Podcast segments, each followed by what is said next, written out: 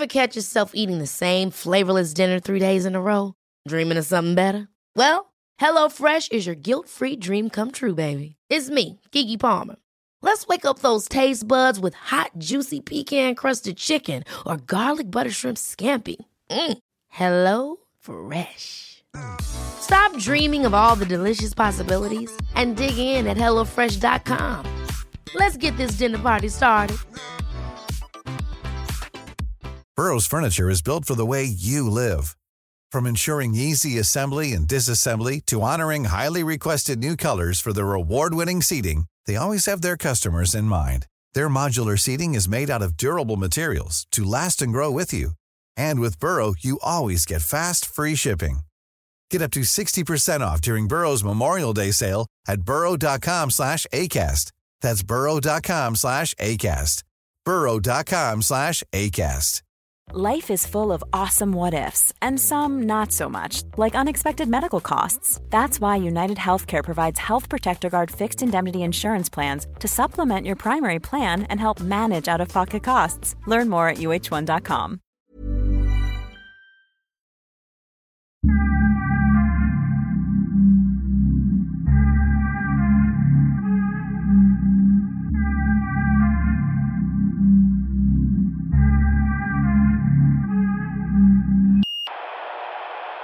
Hur, hur- många tror ni i Sverige, hur- många är genuint besvikna över att den här sprängningen inte var relaterad till invandring Okay, och what did I miss? Nej, men det visade sig att ehm, det är en person som bor i det huset tillsammans med sin mamma och att de ehm, skulle bli vräkta och de blev till slut vräkta. Och polisen beskriver honom som en rättshaverist. Okay. Så att eh, han, har tydl- han är tydligen arg över att han blev vräkt. Så han bombade huset. Oj, Det är fucked up. is he Swedish? Jag trodde det var det det. första jag tänkte. Jag med. Först jag bara yes, det är inte gäng, det är Ja. inte blattar. We, we, we made it this time. Men tänk om han heter Reza. Jag vet. Jag, vet, Mohammed. jag, fick, jag, fick höra, jag, jag, jag fick höra det av Ida bara för en timme sedan. Hon bara, "Ah, men det var någon kille, han bodde där, vräkt. Jag bara, var han svensk? Ärligt, tänker inte ni alltid så? När det är någon dåd, skjutning. Ja, men kolla. Inte när- skottlossningarna idag, de vet man. Det, det, Ja, det är aldrig nej, någon men Lasse när, som gör när. Breivik hände, alltså jag var ju övertygad om att det var en islamistisk dåd. Mm. Just för var att, du? Ja, men det var ju under den tiden, al-Qaida Right. var aktiva, Ja. så Breivik var ju då i alla fall eh, undantag till regeln. Ja. Sen när det visade sig att okay, det var en norsk man så ehm, då gick, jag kommer ihåg att precis var- som nu, Det var en norsk man. First question. Is he a convert? Ja, exakt. Eh, Men jag märker nu hur, eh, hur vänstern är ute på sociala medier och typ firar att det inte var till och hånar högen för att de spekulerade i att det Vet var... du, det ger jag dem. Alla som direkt gick ut och bara "Ah, kolla gängbrottslighet. Kan vi inte hålla käften tills vi vet? Jag skrev ingenting. Jag, jag höll mig helt... För Jag jag, tänkte så här, man Jag vet med. aldrig. Det, det här kan vara det tillfälle då det inte är kopplad. but, but you know, actually, this, this was a very good occasion to reveal the police's racism because they speculated that maybe it's, it's uh, something has to do with gangs. Ja, det The gjorde police Sa de was... det? Nej, ja, men de- ja, de ja, Nej, sa- de det- inte en naturlig orsak. Ja, men de som sa- om gasledning är naturlig. Men de sa också att eh, i Västra Frölunda så har temperaturen höjts mellan två olika gäng. Att, att de jobbade med teorin att det kunde kanske vara. Yes. Och att det var en polisman som bodde i huset Precis. som vittnade i ett gäng Ja, precis. Men kom igen, det är bara att tänka logiskt. Det är klart att, Strukturell rasism inom polisen. nej, men det är klart, det är klart att alltså mycket pekade ju på att det var det. Men man får, man får, aldrig, man får aldrig räkna ut ensamma galningar. De finns alltid med i bilden. Uh, wait, he, he incel? was he living with his mom? Ja, det, är, Fucking incels. ja, men det Like var det här vi var rädda för. Ja, bodde han med sin mamma? Ja, han bodde med, hemma, hos, han var hemma hos sin mamma. Vet How man hur old? gammal ja. Han var 55 år. Ja, 55. ja. Italienare. Nej, jag skojar. Nej, jag skojar. Men jag såg ett reportage på SVT. Det var så här äldre italienare som bor hemma hos sina föräldrar. Och det roliga med det inslaget var att de var så himla stolta. Vissa hade varit så här, nej men vet, det var tufft, jag hade jobb och familj, men ekonomin. Men hon sa, jag har aldrig bott någon annanstans än som min mamma. Och så visade hon sitt rum och så sa hon så här, här är alla mina idoler, så här bilder på idolerna på väggen. Här, det här är mina drömmar. Jag tänkte, vilka drömmar? du bor hos dina föräldrar. The daydreams. Nej men du vet att eh, typ Barcelona-spelarna, Iniesta, Xavi, eh, de bodde hos sina föräldrar. Ja, Nej, men det är väl vanligare i Italien? eh, bor Spanien, de var i eh, Spanien. Spanien, och Italien. Yeah, but I mean, like, also if you think about it, in the Middle East, and and then it gets to be the other way around. It's kind of like the cycle is like this: you live with your parents, and then in the end, your parents live with you. Just so det. it's like your mom is living with you. You know, you're taking care of your mother, uh, and it's not at all seen as something. uh, This is how it is, kind of. Globalt sett så är det jävligt märkligt att man i Sverige i princip flyttar well. hemifrån efter studenten. This, this is very strange. I, I, I also like I don't I don't get that. Uh, like your your kid is still studying. Men var, Eh. var det så för, säg 40 år sedan innan räntorna var så låga och det var sjukt lätt för vem som helst att få en bostadsrätt från banken? Flyttade man hemifrån när man var 18 då? Det vet jag faktiskt inte. Eller sig studentbostäder och sånt har väl funnits väldigt Ja. länge? When did CSN start? Vet inte. Because this this probably also has like a very strong connection. Because Men vänta, CSN, får man inte CSN redan under, under gymnasiet? Nej. Jo. Jo, du får väl någon Gymnasiet. studie, du får något sorts ungdomsbidrag, stu, någonting, någon sån här Ja. 900 spänn i månaden. Exakt. Det är, Ja, ja. du. Elevbidrag, fan jag kommer inte ihåg vad det heter. Men jag kommer ihåg, varje månad så hade alla fått så här 500 kronor Ja, på men banken. nu, nu är det på strax över tusen spänn man får varje ja, månad. det är det. Ja. Aha, but but I mean CSN is like ten. Ja, det var inte månadslönnivå. Nej, nej, nej. Men bara en- CSN får man direkt när du bör, börjar universitetet. Ah, precis. So i- in that sense, it it also makes sense because yeah, you're getting some kind of income. Du vet att eh, alltså när jag när, eh, när jag har varit när det här har kommit upp med med invandrargrupper i Sverige som kanske, kanske har väldigt lite kontakt med andra svenskar. Deras eh, tolkning av det här har varit och är fortfarande att eh, nej men att föräldrarna vill bli av med sina barn. De vill inte ha med dem att göra, så de säger så här, nu får ni flytta ut, nu, nu räcker det. Eh, och alltså det stämmer ju grovt sagt att, att föräldrar i, i Sverige generellt tänker att nej, men nu får du stå på egna ben, du förklarar dig själv, alltså av kärlek.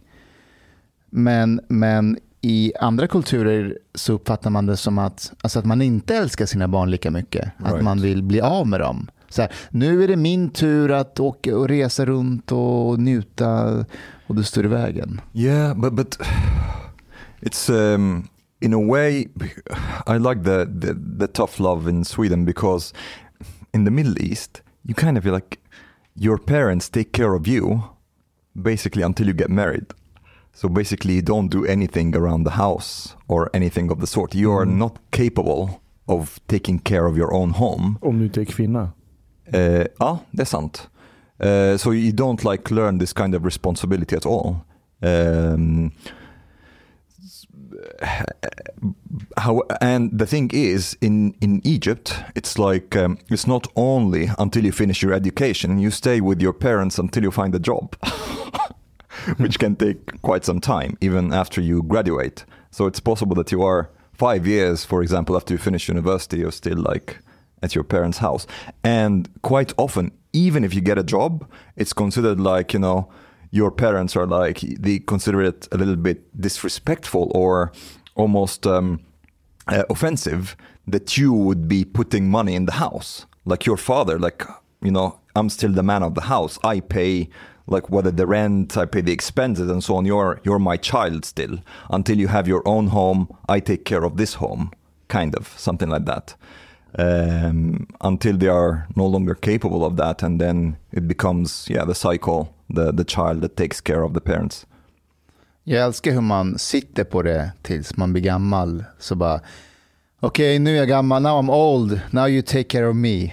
Yeah. Är, är inte det en luthersk kalvinistisk grej egentligen? Det är väl i Sverige, Danmark, Norge, Finland och sen om USA, Nederländerna, Storbritannien kombinerat med det, med det här individualistiska tänket. Det är väl där man flyttar ut rätt så tidigt. Right. Statistiskt sett, inte alla. Yeah. Medan om du kollar Spanien, Italien så här, med katolsk, stark katolsk bakgrund. Och Mellanöstern då, Ja. islam såklart. Mm. Där är du kvar. Jag kommer ihåg när jag åkte tillbaks till Iran. Eh, när kan det ha varit? Ja, men för 14 år sedan, 15 år sedan.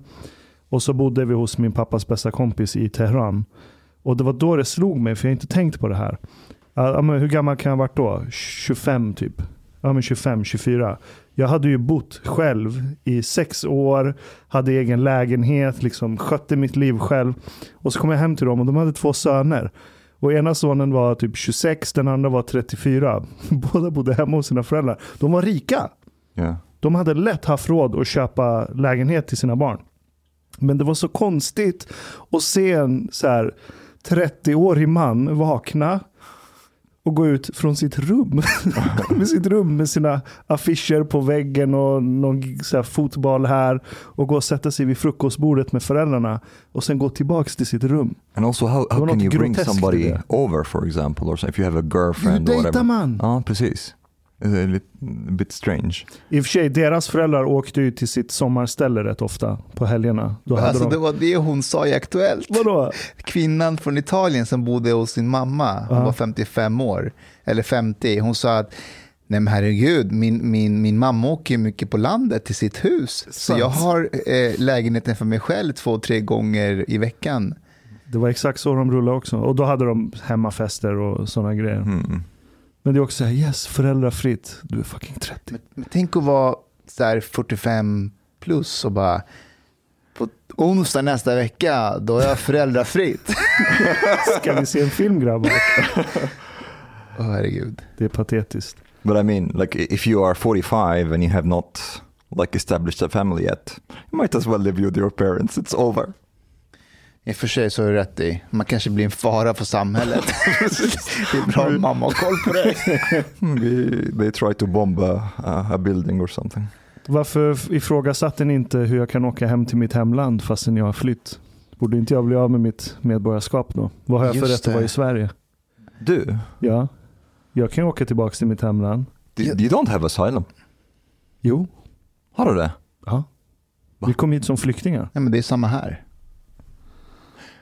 But Så borde jag få ha kvar mitt medborgarskap? Jag kan flytta tillbaka till Iran. No, inget- but that's the thing. I think if it's like I think citizenship cannot be withdrawn for that reason, but uh, residence permit based on asylum can be withdrawn. Ja, So, for example, if I would go back to Egypt, my residence uh, slash asylum would be withdrawn. Uh, är det så? oh, Jaså? yeah, which makes sense also.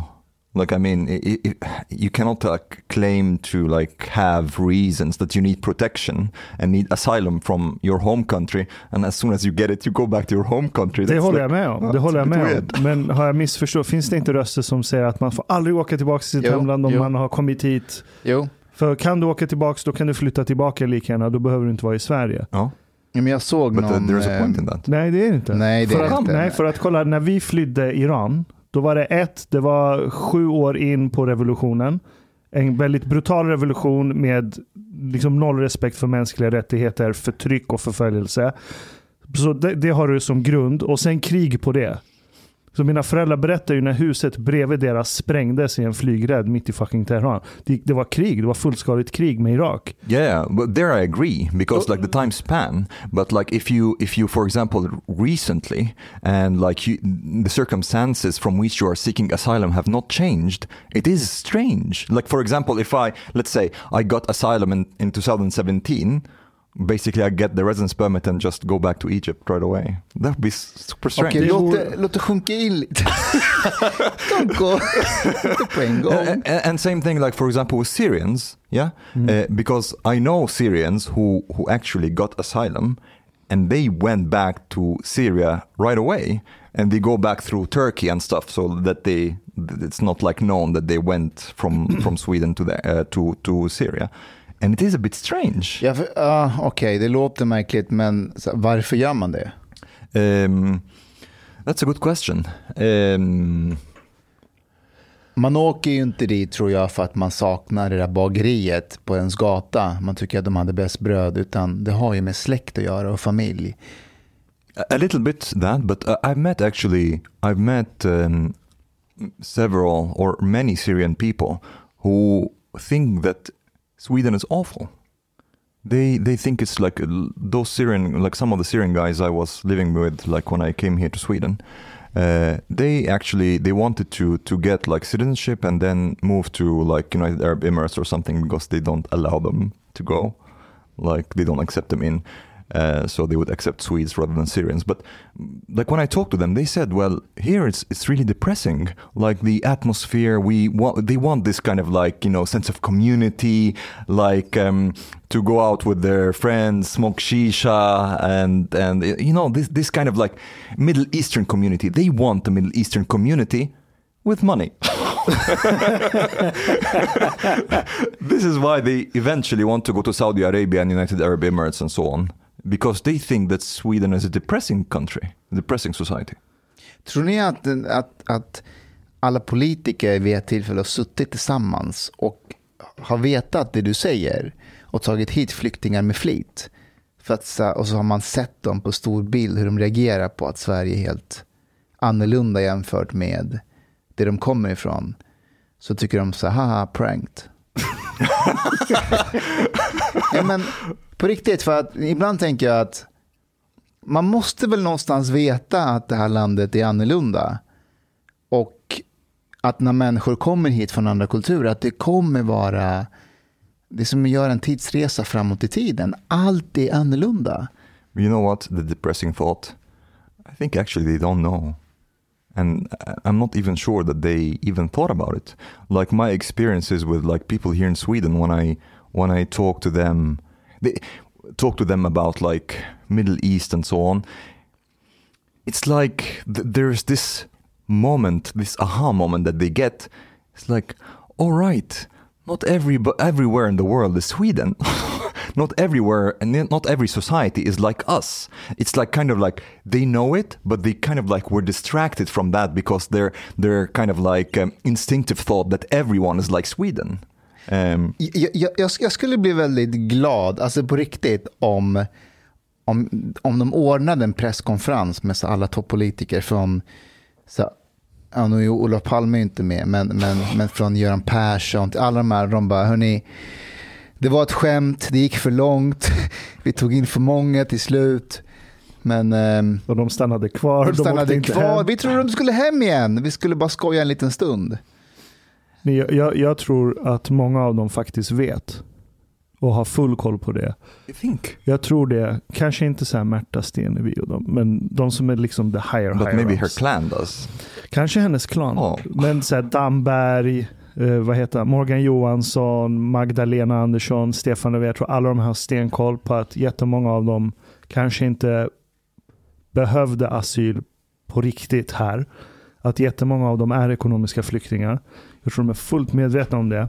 Men vi får inte glömma vad deras incitamentstruktur är. Det är att om jag är en franchisetagare för McDonalds. I slutet på dagen så behöver jag kränga hamburgare. Mm. Och det är det enda min karriär går ut på där. Så när det kommer in rapporter om att folk blir överviktiga, de dör i corona för att de har ätit massa fett och inte tagit hand om sin hälsa. De behöver gå på massa läkemedel som kostar skattepengarna, mm, massa pengar, skattebetalarna massa pengar. Jag kommer förtränga allt det där. För jag tänker att jag har människor här jag måste göra nöjda. För att de ska bli nöjda måste jag kränga hamburgare. Och om du kollar på Löfven och Magdalena och alla de här människorna. De har en karriär. Och det är politik. De har bara hållit på med politik hela sitt liv. De har ingen annanstans att ta vägen. De har ingen exit plan. Jo, de som är högst upp kan säkert sitta i en jävla styrelse för då har de kontakter. Så då kan de bedriva lobbyverksamhet och hjälpa ett företag. Men i slutet på dagen, de behöver kränga röster. Och de vet att tar vi in x många invandrare så kommer inte vi stämplas som bruna. Och då tappar inte vi det de tror är sina kärnväljare. Och då blir du extremt cynisk. And now they drew like a complete U-turn Ja. on it and like, yeah, we have always thought that way. Ja. För att de inser att fan, shit, kärnväljarna har tillräckligt många, kritisk massa har skiftat. De tappar massa medlemmar, LO, eller inte medlemmar, men LO-folket börjar rösta på SD. Ja, då korrigerar de sin kurs. Det är inte svårare än så. Det är rå, brutal cynism som råder där. Och att tänka någonting annat är sjukt naivt. Yeah, maybe. But do you think that they they really thought that a lot of people from the Middle East kommer inte trivas i Sverige? I'm not so sure they thought Trivas that nej, Ja. trivas nej. Det Mm. tror jag inte. Ja. Sverige är bäst. Yeah, exactly. Vi är bäst på allt! Vi har system för allting. Vi har kö, rulltrappor, T-bana. Allt är bäst. Om de bara ser hur jävla bäst vi är så kommer de bara, vi vill vara här. Såklart. Det är Sverige. Så nej, trivseldelen, nej. Där tror jag högmodet har varit i full gång. Okay, do you think that they anticipated that it would be difficult to integrate these people into society? Inte det heller. Nej, det tror jag inte. Där tror jag de var naiva på riktigt. Ja, men det, det, det, det var lite det vi menade. Att, ehm, att ehm, ja, men det var högmod som kom emellan. Det var, det var så här, ehm, man såg verkligen Sverige, att hela, la- hela, hela världen ville vara som oss. Eller, eller strävade efter att bli som oss. Yeah. Men, tro, men kan, man, alltså kan en vuxen, fungerande, tänkande människa med en hjärna tro på riktigt att en gigantisk flyktingvåg där jättemånga av dem är kanske analfabeter, inte ens gått klart skolan, att de har den minsta lilla jävla chans i det här landet. När du har 50 000 regleringar på hur folk ska jobba, hur mycket lön de måste få, vilka rättigheter och tryggheter. Tror, tror en fullvuxen människa med hjärna verkligen tror att de människorna kommer kunna integrera Alltså, sig? det var ju de som försökte säga ifrån. Men, men vi Vad var, hände med dem? Men, men, eh, men alltså, kommer du inte ihåg under 2013, 14, 15? Jo, då, kommer Alltså, ihåg. Man var ju frälst. Alltså, media var frälst. Politikerna var frälsta. Man, man, man tävlade om vem som var... Alltså därför, det inte, vi döpte vår bok efter det lilla landet som kunde. För att vi trodde så här, vi kan, vi kan, vi ska visa resten av världen att vi kan. Titta hur långt vi har kom, kommit. Varför ska vi inte testa det lite till? Pers- Pressa det lite till? I think if one if one uh, doesn't like is not too cynical, that maybe they thought that it's possible and that we have to try, kind of, to integrate these people here, and we we can make it. We can det, do it. Det finns, det finns en intervju med, ehm, med Maud Olofsson. 2016 eller 17. Hon är med i Expressen. Och då säger reporten till henne.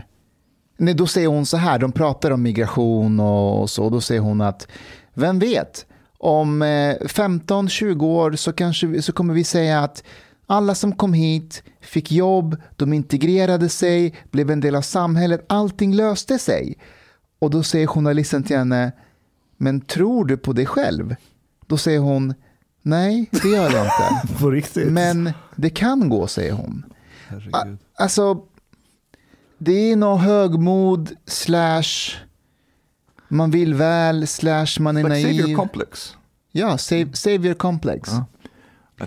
Och, och, och vet du vad? Ehm, det finns de i Sverige som har kommit hit och som har integrerat sig, jag skulle säga till och med assimilerat sig till den grad så att de har listat ut det här hos svenskar och gjort sig en plats i offentligheten och spelat det här mot svenska, svenska etab- etablissemanget. Och, och de här personerna har gjort karriärer på, på att basha på, på deras naivitet och eh, savior complex. Um, och det var och det är det som gör mig så irriterad nu efter den här bokmässan. Att, att det finns en slags cynism hos många av de här personerna. De vet, de vet vad de gör, men de vet också hur de ska hålla sig kvar i värmen. Det finns några strängar du måste spela på och så är du kvar i värmen. When I first came here, like I said, I was like involved a little bit in this anti-racist, you know, uh, asylum rights movement and so on, and I didn't know like what the fuck is going on in the country. So I kind of like thought that the Swedes know it's their country; they should have the whole picture. And then at some point, I started to like want to do the math. You know, okay, you're saying that uh, we should accept basically the people who who basically are fleeing from war and so on, and they were like, no, everyone. I was like, everyone? Like, yes, everyone. In the whole world? yes, everyone, because it's racist otherwise if you like to discriminate against somebody uh, based on where they were born. And I was like, okay. And I was trying to like do the equation in my head. And okay, maybe maybe it works, but then not everyone can have access to the social welfare. They said, no, it's racist if they if they are not. And I was like trying to like how how to like reconcile this. Okay, so everybody and everybody to the social welfare system. I was like, but okay, let's take one country, the one I come from. It's 100 million people. If you say everyone can take a flight tomorrow and come to Sweden and get apartment and like allowance every month, you will have half the country in like between one and two months. Will you be able to handle this? Then they were like, yeah, it's dehumanizing to talk in numbers. I was like, yeah, but you have to make it work. Did you did you study math at school? Ja, men, eh, om, man, om, man, om man dividerar Sveriges statsbudget på Egypten, alltså på Egyptens befolkning, det är 12 000 spänn per år. Redan där faller det. jag, ska, jag ska ge ett exempel på, på Sveriges högmod och svensk exceptionali, exceptionalism. Okay?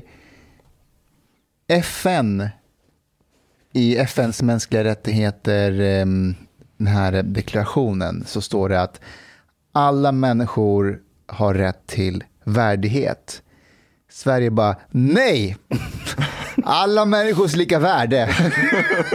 Vi går inte med på det. We, we will do it better yeah. Och vi, vi är det enda landet som har den översättningen. Alla människors lika värde. Och i, vet, alla människor har lika mycket värdighet. Det är otroligt fint. Alltså, jag står bakom det varje gång. Jag är den som skulle säga att Breivik är en hemsk jävla människa, men han har rätt till värdighet. Han har rätt till att få tre mål mat om dagen. Han har rätt till att... Let's att, say att, two. ja, men till att, att fångvakterna inte urinerar i hans mat. Vi vill inte vara sådana människor. Han, han ska ha sin värdighet. Men är han lika mycket värd som alla vi andra? Nej, Nej. det är han inte. Och, och, den där, och, det- och det där sättet att visa en person som Breivik värdighet på, det handlar ju lika mycket om att okej, vi respekterar hans värdighet, men samtidigt så fort du inte respekterar en enskild persons värdighet genom att typ urinera i hans ansikte och etc. Det öppnar ju upp vissa primitiva våldsspärrar hos resten av befolkningen också. Så det är ett skydd mot själva befolkningen, som jag ser det. Verkligen. Ja, alltså det, det är en spärr. Nu dividerade jag Sveriges statsbudget på hela världen. Det blir 170 kronor per person och år. but but I think I can sympathize still with like everybody's equal value or whatever. But mm, so I think this is like uh, still a kind of a nice nice um, idea to have. But everybody's in the whole world right to Sweden. This is a strange strange concept. Uh, and and to think that you're you will be able to save the world. Countries just like 10 million people. This is also a super strange concept. Um, and not just that, because I mean, to to do good, you have to have the intention to do good, but not only the intention. You have to have the will and capacity to bring that good into reality. And if you don't, Politik är att vilja. Only that. Så sa Olof Palme. De tror att så länge man bygger ett tillräckligt bra system så kan man lösa vilket problem som helst. Mm. Och det är det det rotar sig i tror jag i många av de här fanatikernas huvud. Att om vi bara bygger en bra myndighet så kommer den myndigheten kunna lösa alla de här problemen. Ja, alltså en svensk myndighet med svenskt system så Mm. kommer det bli bra. But Eh, uh, also, I think one thing that they really, I don't know if they took it at all into consideration the differences in culture.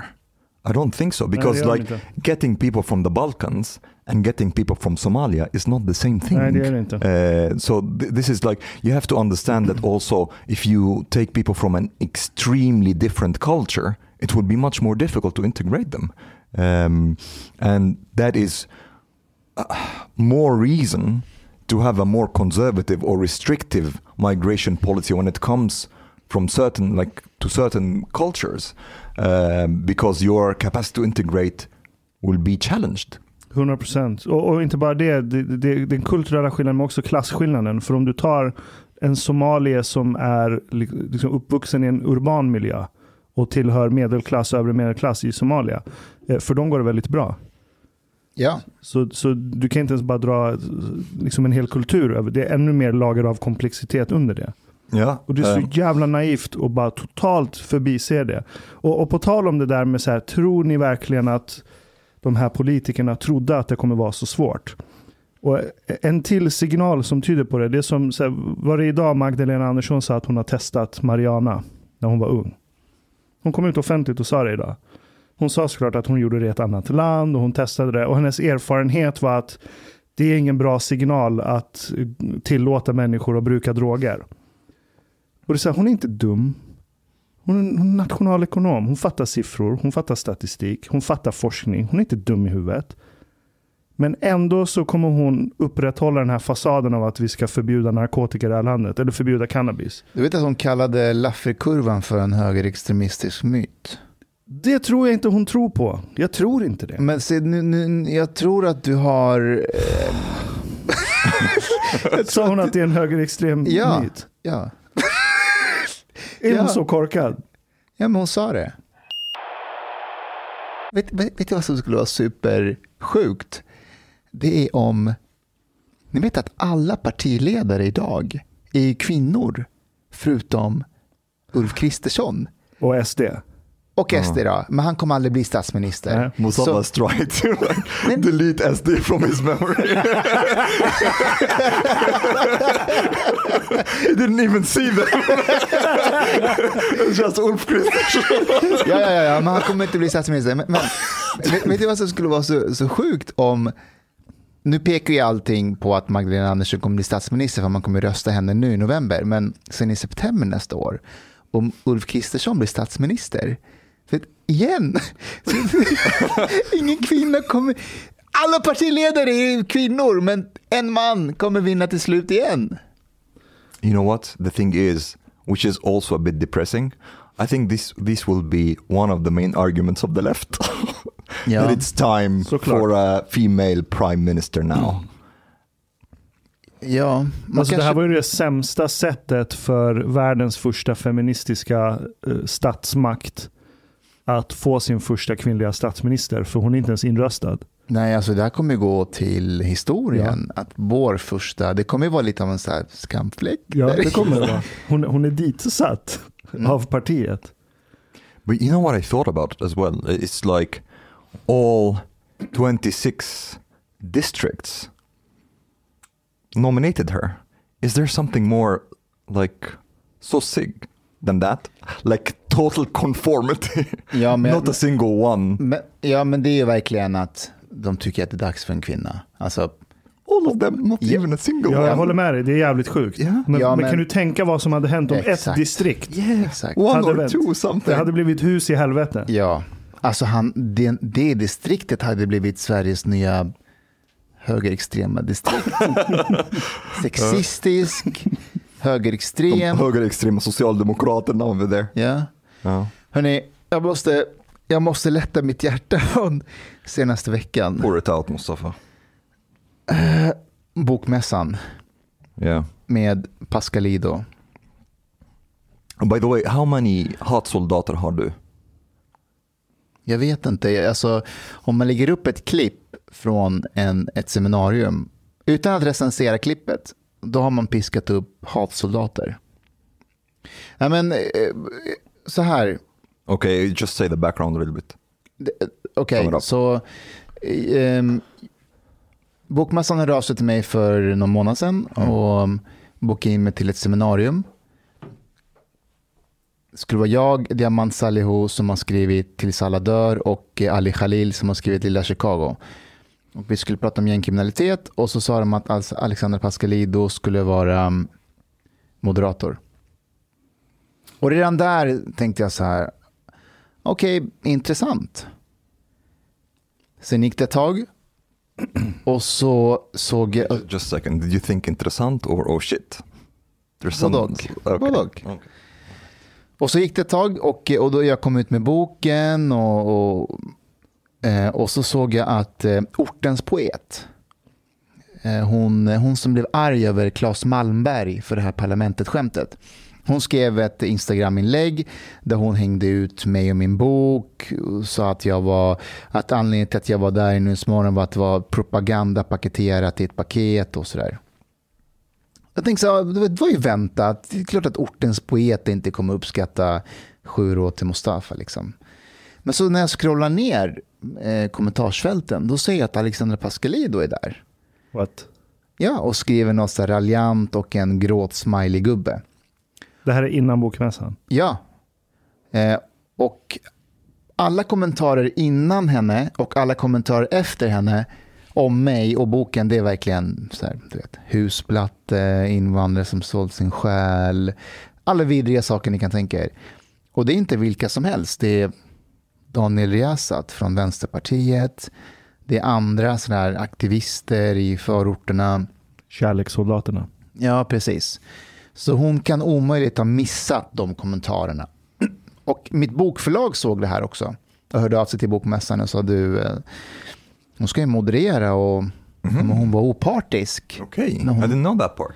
Ja. Okay. Eh, och de sa att ah, vi, ska, vi ska prata med henne, det här kanske inte var så bra. Och jag tänkte inte mer på det. Åker till bokmässan. Eh, Alexandra har hört av sig till mig vid två tillfällen innan samtalet. En gång för att hon ville ha min bok, jätteartig, professionell. En, en annan gång så ringde hon mig bara någon dag innan vi skulle ha samtalet och sa hej, ja, vi ser fram emot samtalet och sådär. Så vi är där på plats, bokmässan. Eh, vi ska prata i 30 minuter och hon inleder och så blir det eh, 10 minuter med diamant om hans bok. Saklig och ställer öppna frågor. 10 minuter med Ali Khalil och när det kom till mig eh, och jag, blev, jag, var inte, jag var inte beredd, men, men ska vi lyssna lite bara på hur det lät? Du, du hänvisar till Diamant Salihos krönika i Expressen, eh, att man ska göra lumpen va? Ja. Förklara, varför är det bra? Därför att lumpen, som Diamant skriver i den krönikan, är ett av de eh, sammanhangen där din etnicitet, sexuell läggning, kön inte spelar någon roll, utan du är där för att utföra en uppgift och, ehm, Eh, och, och, det, och det är ett bra sätt att mötas, det är ett bra integrationstillfälle.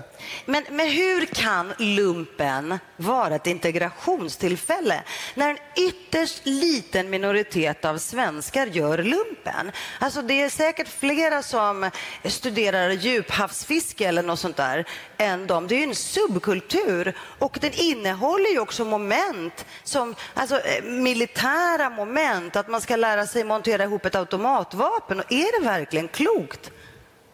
Varför skulle de, eller varför, jag förstår inte, det är ju under Försvarsmaktens ögon och de har ju, de gör säkerhetskontroller, de vet vilka som är där. Det, vi har gjort lumpen i hur många år som helst. Men det finns ju forskning som visar på att människor som har varit militärer också begår brott. Vi har flera sådana här fall i Sverige, inte minst Mattias Flink, polismorden i Alexander bland annat och så vidare. Så jag tänker så här, varför just göra lumpen?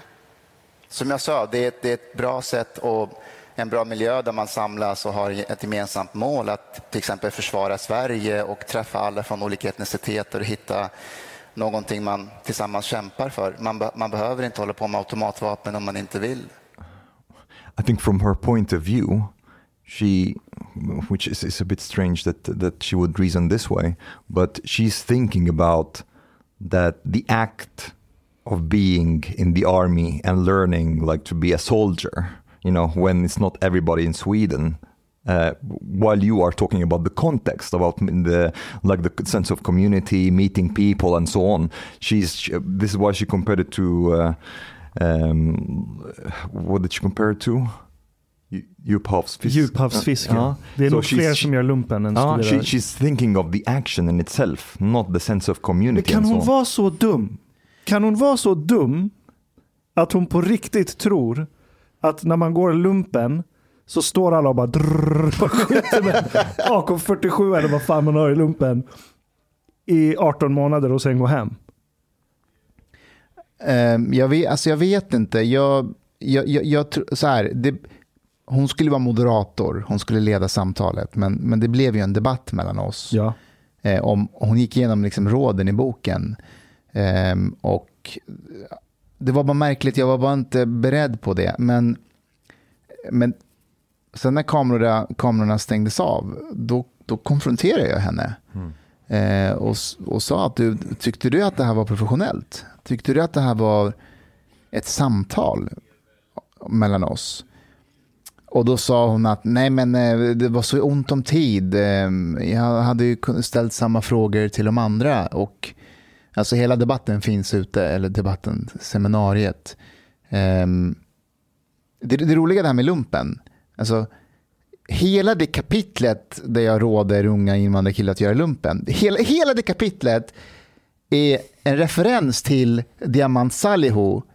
Som, han har skrivit en, en krönika i Expressen om att göra Det sa lumpen. du ju i seminariet också. Ja, exakt. She is the one who even, he, she is the one who said så, it. Så han sitter bredvid mig. Fråga honom då.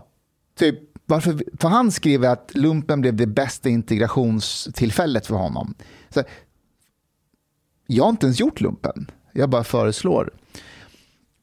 Men jag sa det till henne efteråt att ehm, ja, men vad, vad hände här? Och, och du vet, hon eh, slingrade sig om att ja, det var ont om tid och sådär. Och, och jag har tänkt mycket på varför, varför det blev på det här viset. Och jag sa, det här sa jag till henne att, att jag förstår varför hon gör så här. Hon, hon vill ha cred hos de som bor i förorterna. Det här var ju planerat. Det här kom ju inte bara från ingenstans. Det här var planerat att hon skulle ge sig på mig på det här viset. Eh, Hon, när hon släpper sina böcker så vill ju hon att de i förorten ska tycka att ah, men du, är, du är en av oss fortfarande. Samtidigt vill hon ha en fot hos etablissemanget. Under det här samtalet säger hon flera gånger vi från Rinkeby, säger hon. Vi från Rinkeby. Hon, hon, hon bor på, på Söder i Stockholm. Hon har bott där i liksom 20 år eller någonting. Um, och, jag blir någon slags, slagträ för henne att fortsätta ha cred hos dem. Och det här sa jag till henne. Nej, sa hon så här, du, jag har pratat om de här problemen eh, längre än, än vad du var i Sverige, sa hon. Jag har pratat om kriminalitet hur länge som helst och, och, och problem i förorten. Och det har hon rätt i. Alltså hennes första program, när hon var med i SVT, det handlade om eh, eh, brottsligheten i, i, i Rinkeby. Så hon har rätt att hon har tagit upp det här. Men det betyder inte att hon är kunnig eller smart och fattar problematiken. Man får ta reda på vad är det hon har sagt egentligen. Eh, och hon har ju inte sagt vad det här handlar om, vad det här beror på. Utan det enda det beror på är att samhället släpper inte in människor. Att det finns eh, rasism, det finns diskriminering, ja du vet det, det, det vanliga. Så jag stod och pratade med henne och då eh, och hon sa till mig så här, i min bok så träffade jag mammor i förorterna. Och de sa till mig att de har anmält sina egna barn. Alltså polisanmält sina egna barn. För att det var så mycket problem. Och att ingen har lyssnat på dem. Ingen lyssnade på de här mammorna när de polisanmälde sina egna barn. Då sa jag till henne, okej okay, Alexandra, låt oss säga att man hade lyssnat på dem. Låt oss säga att staten hade kommit in och tvångsomhändertagit de här barnen. Placerat dem hos fosterfamiljer långt ifrån utsatta områden. Hade du, Alexandra Pascalido, varit längst fram och sagt bra att staten med socialtjänsten gick in och omhändertog barn i förorterna. Hur tror du att det hade uppfattats av förortsaktivisterna som idag gillar dig? I deras öron hade det låtit så här. Vita människor gick in i förorten och tog bruna barn. Det är vad de kommer se det som. Så vad är det du egentligen vill att man ska göra åt de här problemen? Och då sa hon, eh, självklart hade jag varit för det om det var rätt beslut. Och det, lå- jag låter det vara sagt om det är trovärdigt eller inte. Men det sker en förflyttning nu i debatten. Ni vet Damberg och sossarna säger så här, eh, vissa tyckte att det var obekvämt med de här ämnena. Ehm, eh, men eh, man kanske ska, man ska vräka kriminella från bostäder nu. Alla låtsas som att de alltid har tyckt så. Ja. Och man måste syna dem. Man måste säga sen, nej, du, du tyckte faktiskt så här. Och det, att, att du säger att jag har pratat om de här problemen i 25 år. Ja, fast vad är det du har sagt? Har du pratat för att tysta ner debatten? Har du haft riktiga åtgärder? Eller har du bara kapitaliserat på samtalet? För att det ska vara liksom status quo. Så att du kan livnära dig på det och göra karriär på det. Man måste syna med, med de frågorna. Och det är det jag menar med att det finns en medvetenhet om vad som händer och vad man kan göra, men att cynismen tar över. För de vet att hade de för tio år sedan, men Damberg eller någon ekvivalent, sagt det han sa förra veckan, så hade alla de här mediala personligheterna flugit på dem på en gång. Och så hade det varit över. Precis så. För då förlorar de sin röst i förorter och massa sådana här fästen där de har väldigt stor majoritet av rösterna. Jag noterade att Alexandra började hela seminariet med att hon har skrivit en bok om mammor. Och nu sitter vi här och ska prata om bla bla. Hon avslutar seminariet med att hon nu ska skriva en bok om pappor. Ja. Så hon börjar och avslutar med någonting som handlar om henne. Eh, Det gjorde mig väldigt skeptisk redan från början. Alltså hennes nya bok Papporna, den kommer handla om frånvarande fäder. Vilket är ett väldigt viktigt ämne för att papporna är frånvarande. Hon har inte råd att, att de i förorterna ska se boken som misstänkliggörande mot deras pappor. Så hon måste basha på sådana som mig för att säga jag är på er sida. Välkomna min bok som kommer snart. Och jag förstår den strategin. Jag fattar det. Hon är ju inte dum. Jag förstår att hon gör så. Men det, det är jävligt tråkigt att det ska vara på det viset. So yeah, I guess um, especially now then the social democrats and and other politicians are moving their positions. It becomes a delicate balance because, like Ortens aktivister, they did not shift their positions yet. Uh, and if you want to please both, it's very difficult. Ja. Um, it will Yeah. involve a lot of hypocrisy as well. Jag undrar hur man vänder fenomenet med frånvarande pappor till att få det att handla om vithet och rasism.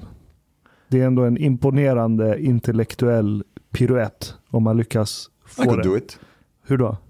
Um, it is it is basically the sense of estrangement and alienation that they are feeling in society because of majoritetssamhälle that's not giving them the chance to basically self-realize and have like jobs that fulfill them and a place in society that is like make them uh, satisfied enough in order to be able to look after the family and to uh, må bra and, and so on. Uh, so there's this angle, and uh, if you say that, you still can get away with it. Du, eh, man, kommer bli, man kommer förvånas över kreativiteten. Eh, över att, att, att koppla det till någon sorts rasism eller diskriminering från But I, I don't think this is difficult though, because a lot of these things they are based more on emotions uh, rather than reason. So if you say, if you kind of like try to to provoke the right emotions, it does not really matter much what you say. Nej. Så här skrev min landsman och professor i socialt arbete, Masoud Kamali. Och det här, är- det här är briljant. Jag, jag, jag måste säga att jag bugar för kreativiteten. Dessa representanter för högeretablissemanget som gör allt i sin makt för att möjliggöra blåbrun allians maktövertagande ser den välregisserade attacken mot personer som Alexandra som nödvändig i deras kamp för den globala kapitalistfascismens seger. Du la ut en tweet. Med ett två minuter långt videoklipp. Jag skrev spännande debatt med Alexandra Pascalidou. But this is what I mean. Like, th- this is exactly what I mean. He doesn't need or have to make sense. If he say like these, like you know, these mottos and things like that, nobody would like think, okay, SD is really Mustafa. Like he's being like appointed by SD to do anything, uh, or like it, all this like you know Alltså, bullshit that he's det här writing. som man skriver nu, alltså, det är förtal. Jag har pratat med Aha. jurister, alltså, det är förtal. Alltså, jag har aldrig föreläst för SD. Och vad var det han sa att jag Du har, föreläst? inte, har du prisat Pinochet? Nej. Va, vad sa han mer? Att jag hade föreläst om invandrarnas kultur. Ja, citattecken invandrarnas kulturbetingade brottslighet. Jag har aldrig under den rubriken föreläst på något sätt. Alltså det där är förtal. Det här är problemet då. Ingen bryr sig om Masoud Kamali idag. Alltså, vad de som inte vet vem Masoud Kamali är. Alltså, han anlitades efter Pela och Fadime av, eh, Mona av, Sahlin, va? av eh, Mona Sahlin som här, utredare för att kartlägga hedersförtrycket i Sverige. Och han kom fram till att det här inte var något problem i Sverige. Han sa att det är några flickor som har drabbats och man har gjort en stor sak av det här. Eh, sen var ju han professor på Mittuniversitetet eller något sånt där och fick sparken om jag inte minns fel. Yeah, there was some problems there. Ja, så, så, så här, ingen bryr sig om honom idag. Jag, jag skulle inte bli förvånad om när han skrev det där att till och med Alexander Pascalidou sa så här, fan, jag vill inte att han stödjer mig. Ehm, så jag anmäler honom för, för förtal. Det är så mycket energi, du vet, jag orkar inte, men det är, re, det är rena lögner. Tja, Hello. Hej, har ni hållit på länge? Hanif is in the house. Fan är det begravningsstämning eller vad är det frågan om? Vi, vi, vi, vi går igenom eh, Bokmässan-gate. gate. ah, just det. Du, du, grattis. Vi pratar om Masoud Kamali. Du, du känner ju honom. Du, Jag har träffat honom. Ja. Men jag tänkte så här, man skulle kunna leka lek, både när det är Masoud Kamali men även, eh, där heter han Daniel Riazat.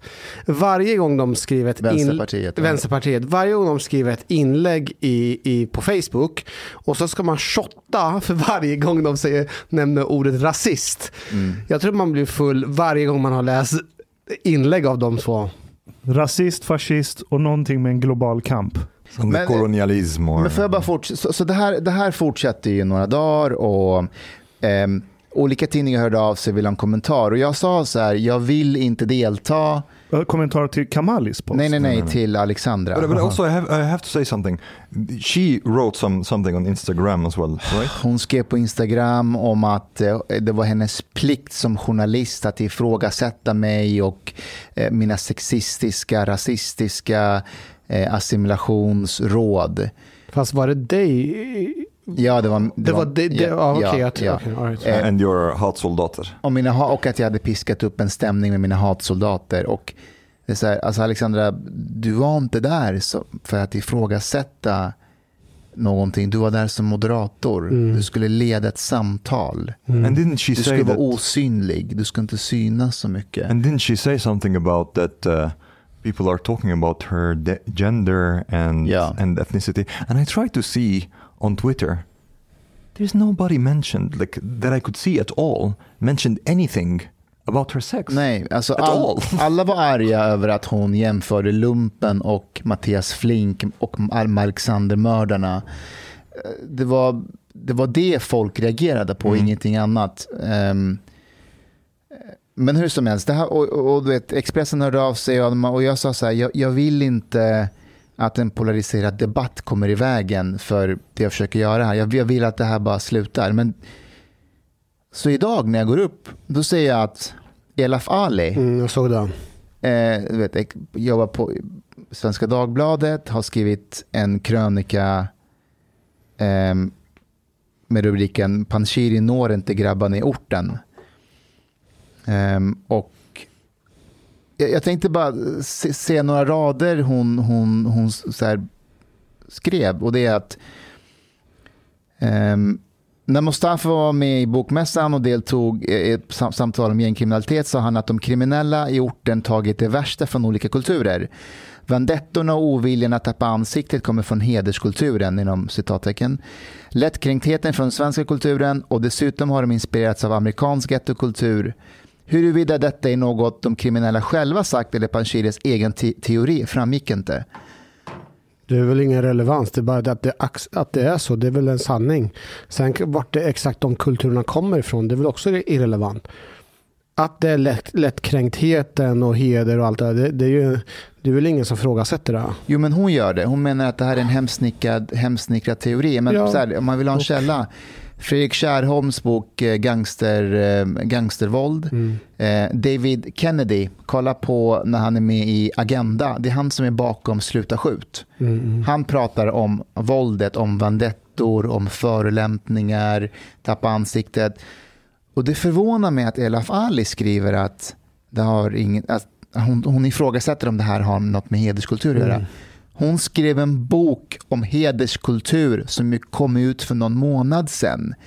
Hon måste väl känna igen tappa ansiktet, vandettor, Nej, eh, förolämpning.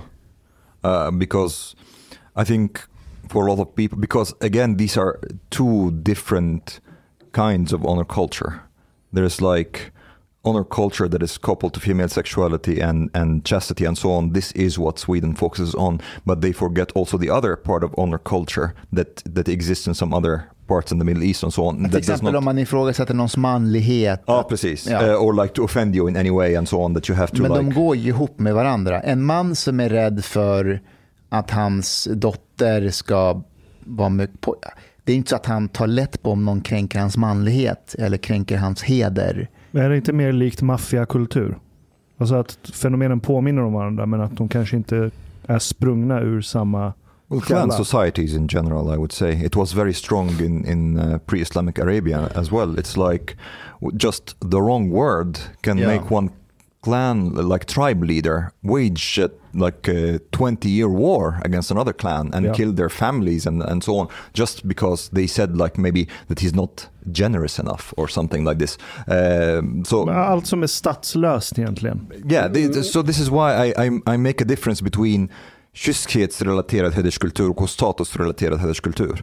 Uh, and, and Sweden focused a lot on kyskhetsrelaterad hederskultur som handlar om kvinnors sexualitet. So they don't really know about the other side at all and they don't really consider it honor culture. But, but you know also another thing that I reacted a little bit, she wrote in one of her tweets Handlar det verkligen främst om misslyckad integration när syskon i samma familj inte väljer den kriminella vägen? And this for me, it's like very strange analysis because you can say the same thing about honor culture. Is this really honor culture if not all family members want to kill the girl? Or is, is it, uh, handlar det verkligen om klan om inte alla klanmedlemmar är kriminella? So, because culture and subculture does not produce identical behavior in all individuals and does not produce identical individuals. It produces tendencies and it produces patterns, and that's it. Uh, so you cannot like say that everybody in the culture will be an identical copy of each other. Uh, so this is one thing I reacted to. But one thing also we talked a little bit about that you and I. Um, that she that she's she kind of like took it against you that uh, that that it has something to do with gang criminality och problem uh, problemen i orten uh, and your and you said that no your book is not about uh, that. Okej, okay, okay. det, det hon alltså hon antyder att jag har skrivit jag ska läsa vad hon skrivit så här. Hon skriver så här. När jag pratat med vänner i orten känner de antagligen inte till Panshiri eller så har de svårt att identifiera sig med honom. Man kan fråga sig hur många har hon pratat då med. Eh, men, men det, är väl, det är väl skit, alltså det, det är heller irrelevant i sammanhanget. Tänker, tänker jag, för tanken är ju att de ska eh, inte, de ska inte ha den här keffa beteendet som de har. Och det är klart att det du säger går emot det många, bland annat ungdomarna. Men då, min fråga är, har hon ställt de här frågorna till föräldrarna eller har hon ställt dem till ungdomarna? För skulle hon fråga vilken förälder som helst så kommer de säga, det här är ju skitbra. Ja, precis. Ja. Ja. Jag, jag, jag, jag, jag ska återkomma till det, men jag ska bara avsluta vad hon skriver här. Vi behöver istället personer som hoppat av gängkriminaliteten som kan inspirera tonåringar som känner hopplöshet. Personer de känner förtroende för, folk som talar eh, Eh, med dem och inte till dem. Och så det här.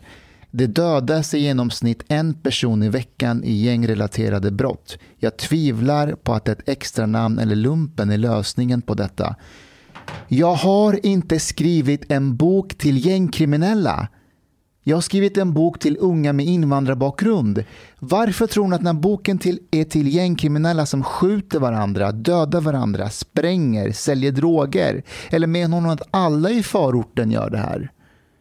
Jag, jag fattar inte det. But, but but again, this is strange. But also, like, okay, one of like she replied when you when you questioned whether she read your book. She replied, jag har läst din bok. Jag ser ingen koppling på den och problemen i orten. If if the problem in the suburbs doesn't have to do with integration, then what the fuck are the problems in the suburbs about? Uh, your book is about integration. What the fuck? Uh, I don't understand. Men, alltså, och när hon säger orten, alltså det är Ja. ju slutskedet av hela den här resan. Att du har failat din integration, fastnat där och inte kommer ur. Medan din bok, den är ju tänkt för i början av processen, typ när Ja. precis kommit hit. Ja, ja men också om man är andra generationens invandrare, är i Sverige och försöker hitta sätt att komma in och är nyfiken, så då ger jag några råd. Men den är ju inte till för de som dödar andra gängmedlemmar, utomstående, oskyldiga. De ska ju spärras in, de ska sitta inne på många år så att de skärper till sig. Jag förstår ärligt talat inte men jag tror varför. Jag- Så här, och det här, är, det här är jättesynd, men det här är min spekulation. Det har bildats gäng i offentligheten. Absolut. Det är Eh, allians. Ja, och, Vi har ju allians också. ja absolut, och det har vi. Eh, och Så här, så, Och det, kritiken mot dig är ju inte vad du själv gör. Kritiken mot dig är vilken allians du ingår i. ja, precis. Och det är så, där du får Part, kritik part av, of it. Part of it. Not. av nej, men Pascalidos kritik mot dig det är att du umgås med personer som har trakasserat henne. Ja, som Bali. Hon skrek till mig efter bokmässan att dina vänner har förstört min karriär och då nämnde hon Hanif Bali, Alexander Bard, eh, Aron Flam. Och då frågade jag henne, men Alexandra, har jag sagt någonting ont om dig? Har du sett mig prata någonting om dig genom åren? Nej, det hade hon inte. Utan det är vad min omgivning ska ha sagt. Eh, men om jag får bara återkomma, det har, det har bildats gäng i offentligheten. Det Som har, har funnits i evigheter. evigheter. Det, och så här, hur ska vi krossa de här gängen? Nej, jag skojar. eh, så det här hon har skrivit, jag tror ärligt talat inte att hon tycker att min bok eller mina råd är dåliga. Jag tror inte hon har läst boken till att börja med. Även om hon påstår det så har hon inte det. För eh, Hon säger så här, dina lösningar är, är, är enkla och det kommer inte åt problemen. Jag skriver i boken, i början av boken att det här är inte lösningen på så komplext problem. Ja. Men jag tror så här, kvällen innan eh, Eh, bokmässan när vi skulle ha samtalet, då sprang jag på Ella Fali och Alexandra Pascalido. Eh, de skulle på middag tillsammans. Ehm, under bokmässan, då sprang jag på, då var El- Ella Fali var med i publiken och Alexandra sitter på scen och Nadim Ghazali också i publiken. Så när det var klart, då samlades de ihop. Så det här är, det här är någon slags lojalitetsgrej. Att man, det spelar ingen roll vilka idéer man håller med om eller inte, utan man vill skydda sin grupp. Jag skulle vilja säga att ja, vi är också såklart en grupp och vi är lojala mot varandra. Men har någon av oss dissat Ela Falis bok om hedersförtryck? Tvärtom, jag, har ju, jag, jag tycker den är en fantastiskt bra bok. Ja. Den är jävligt välskriven. Riktigt välskriven bok och eh, hon har gjort ett fantastiskt jobb och, och ska, den är väl en bästsäljare. Hon har sålt så in i helvete. Ja, och hon ska ha all cred för det. Men problemet är inte där, utan det vi har gjort, eh, det, ju, det går ju att räkna ut på, på arslet, utan Elaf är ju väldigt nära vän med Nadim och vi har ju indirekt kritiserat Nadim. Eh, Elaf Har vi verkligen? Ja, men så här. Eh, så här eh, där vi, har, vi har bjudit in vad heter Aron Flam som i våran podd kallar Nadim för antisemit. Jag tycker att jag tycker det går väldigt, väldigt långt och jag protesterar ju faktiskt när eh, eh, vad heter det, när eh, Aron, sa så. Sen så går ju eh, Elaf ut på Twitter och frågar Hörde ni, eh, vänta nu, är det förtal eller inte förtal att kalla någon för antisemit? Och då kommer jag att jag svarar någonting som säger ah, men det borde vara samma rättsläge som kallar någon för rasist. Då, då hä- hänvisar jag egentligen att Nadim har ju vid andra tillfällen kallat andra rasister och det borde gälla samma sak. Redan där har ju vi skapat en splittring och vi har våran allians, även fast inte vi alltid håller med varandra, så är ju vi i en allians och de en annan. Och vet du vem som, är grund, eh, vet du vem som skapade allt det här från början? Chang. Nej, det är Mustafa själv. Det är du som har skapat allt det här eländet. Om du bara hade hållit om du hade bara hållit käften. När Nadim går och skriver sina debattartiklar i Aftonbladet. Kan inte du bara knipa käft och bara ta det lugnt och Varför luta är dig inte jag tillbaka? förvånad? Jag är inte ett dugg förvånad. Nej, men det är ju du. Det är du som har skapat allt det här. För Nadim svarar ju till så här, hej Mustafa, jag trodde att vi var vänner. Nu går du bakom ryggen och skriver en debattartikel mot mig. Det är ju du som har varit med och skapat det här nej, jihadkriget. nej, för att det är exakt det som är problemet Hanif. Det är exakt det som är problemet. Om Mustafa inte går sakligt emot Nadim, då tänker han allianstänk, vilket är bullshit. Exakt så. Medan kolla Elaf, om hon släpper en bok, jag ska kunna kritisera skiten ur den om kritiken är saklig. Inte om jag kritiserar henne för att hon tillhör fel gäng. Och tvärtom, hon ska kunna göra exakt samma sak med era böcker eller vad det nu är.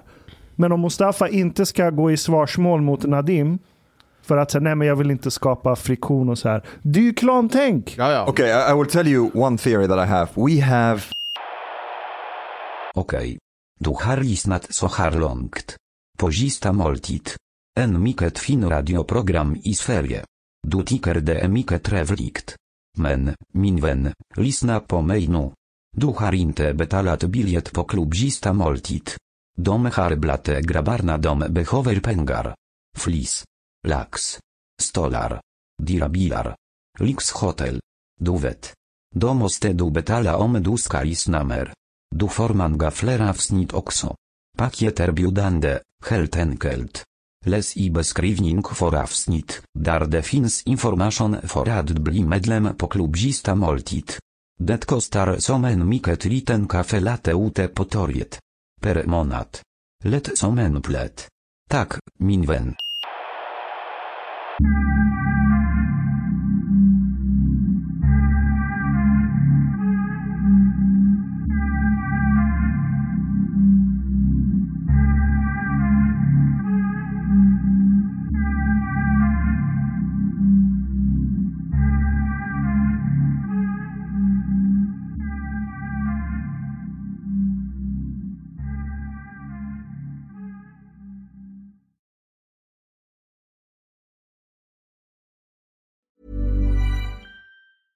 Ever catch yourself eating the same flavorless dinner three days in a row?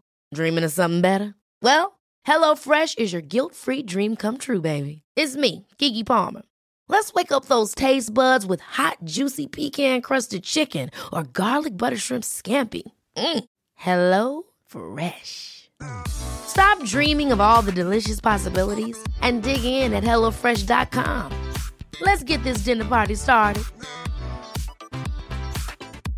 Hey, it's Paige DeSorbo from Giggly Squad. High quality fashion without the price tag. Say hello to Quince. I'm snagging high-end essentials like cozy cashmere sweaters, sleek leather jackets, fine jewelry, and so much more. With Quince being 50 to 80% less than similar brands. And they partner with factories that prioritize safe, ethical, and responsible manufacturing. I love that. Luxury quality within reach. Go to quince.com slash style to get free shipping and 365 day returns on your next order. Quince.com slash style. Imagine the softest sheets you've ever felt. Now imagine them getting even softer over time. That's what you'll feel with Bowl and Branch's organic cotton sheets. In a recent customer survey, 96% replied that Bowl and Branch sheets get softer with every wash. Start getting your best night's sleep in these sheets that get softer and softer for years to come. Try their sheets with a 30-night guarantee. Plus, get 15% off your first order at bowlandbranch.com. Code BUTTERY. Exclusions apply. See site for details.